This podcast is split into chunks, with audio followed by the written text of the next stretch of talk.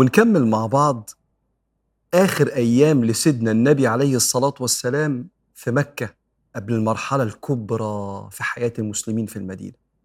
يقال إن في الوقت ده قبل ما النبي يقابل الأنصار في الحج حصل موقف عبس وتولى.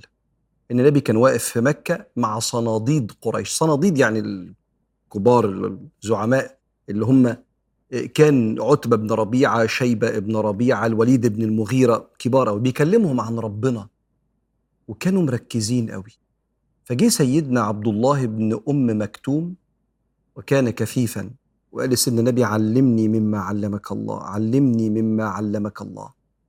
المفسرين ليهم قولين في المسألة دي إن اللي عبس وتولى الوليد بن المغيرة. والمشركين. وبعضهم يقولوا لا ده كان سيدنا النبي عليه الصلاة والسلام. أنا قلبي يستريح إن مش اللي عبس سيدنا النبي عليه الصلاة والسلام وإن فهم الآية إن العابس هو المشرك لأن مش من طبع النبي عليه الصلاة والسلام إنه يتضايق إنه يبقى مركز مع حد. فحد يجي يقول له حاجة فيكشر في وشه. عمرنا ما سمعناها عن النبي عليه الصلاة والسلام لا في أول حياته ولا في آخر حياته. فنفهمها كده عبس وتولى أن جاءه الأعمى يعني المشركين. والنبي بيتكلم معاهم الأغنياء.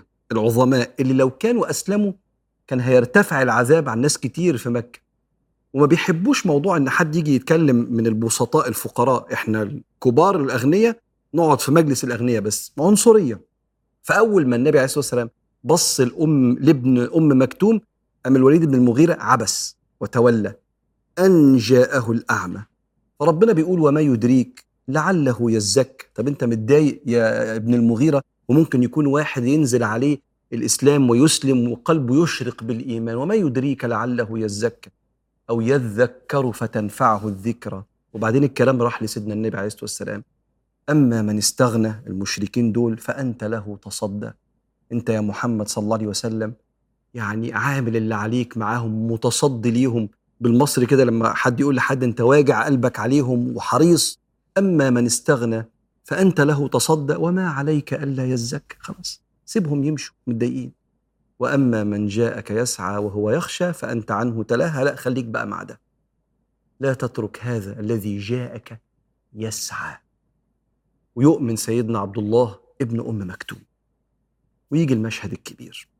الحكاية ستة من الخزرج جايين يحجوا يطوفوا حوالين الأصنام في الكعبة.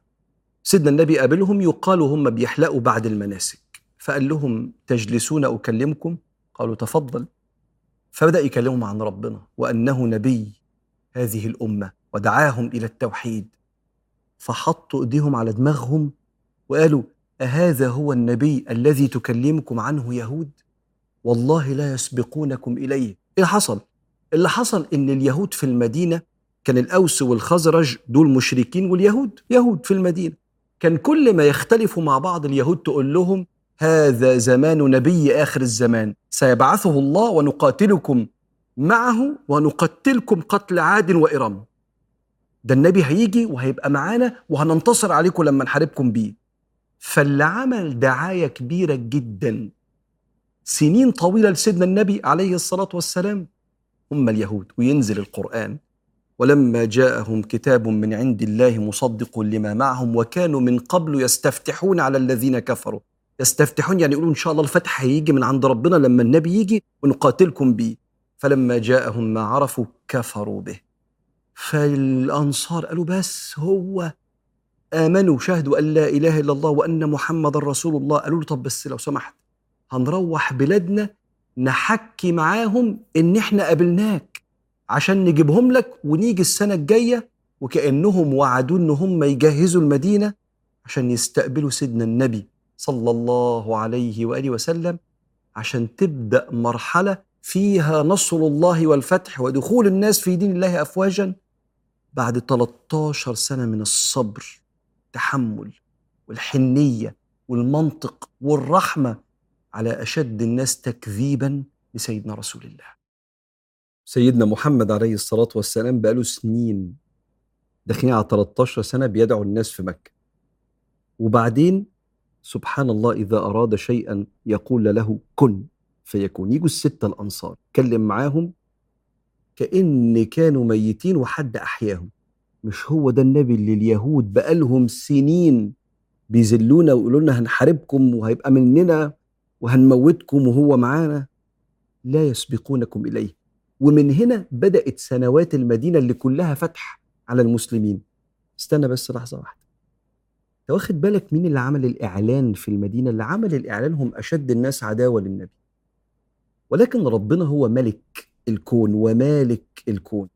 فهو الملك وفي نفس الوقت هو المتصرف في كل شيء. سبحانه وتعالى خلى أكتر ناس بتعادي النبي هم أكتر ناس يعملوا إعلان للنبي.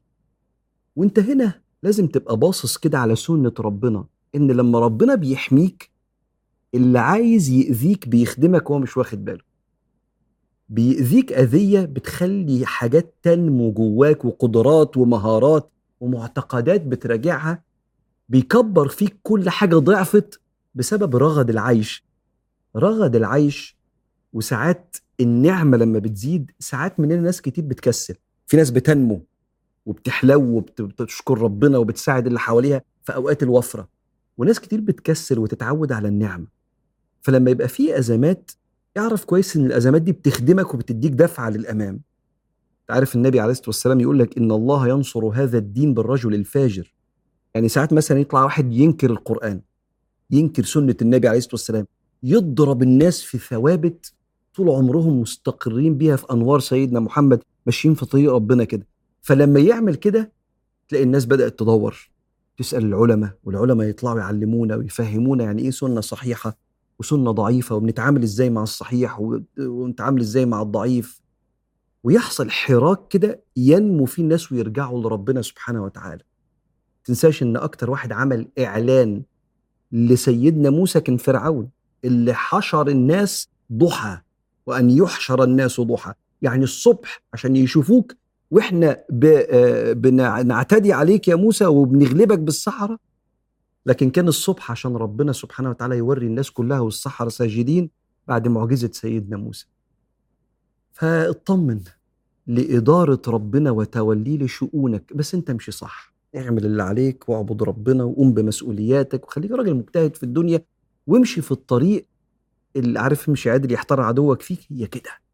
هي كده. والأيام الصعبة بتكبرك. وبعدين بيجي الفتح من طريق أنت ما تتصورش إن جه منه ابدا. يمكن يجي من عدوك.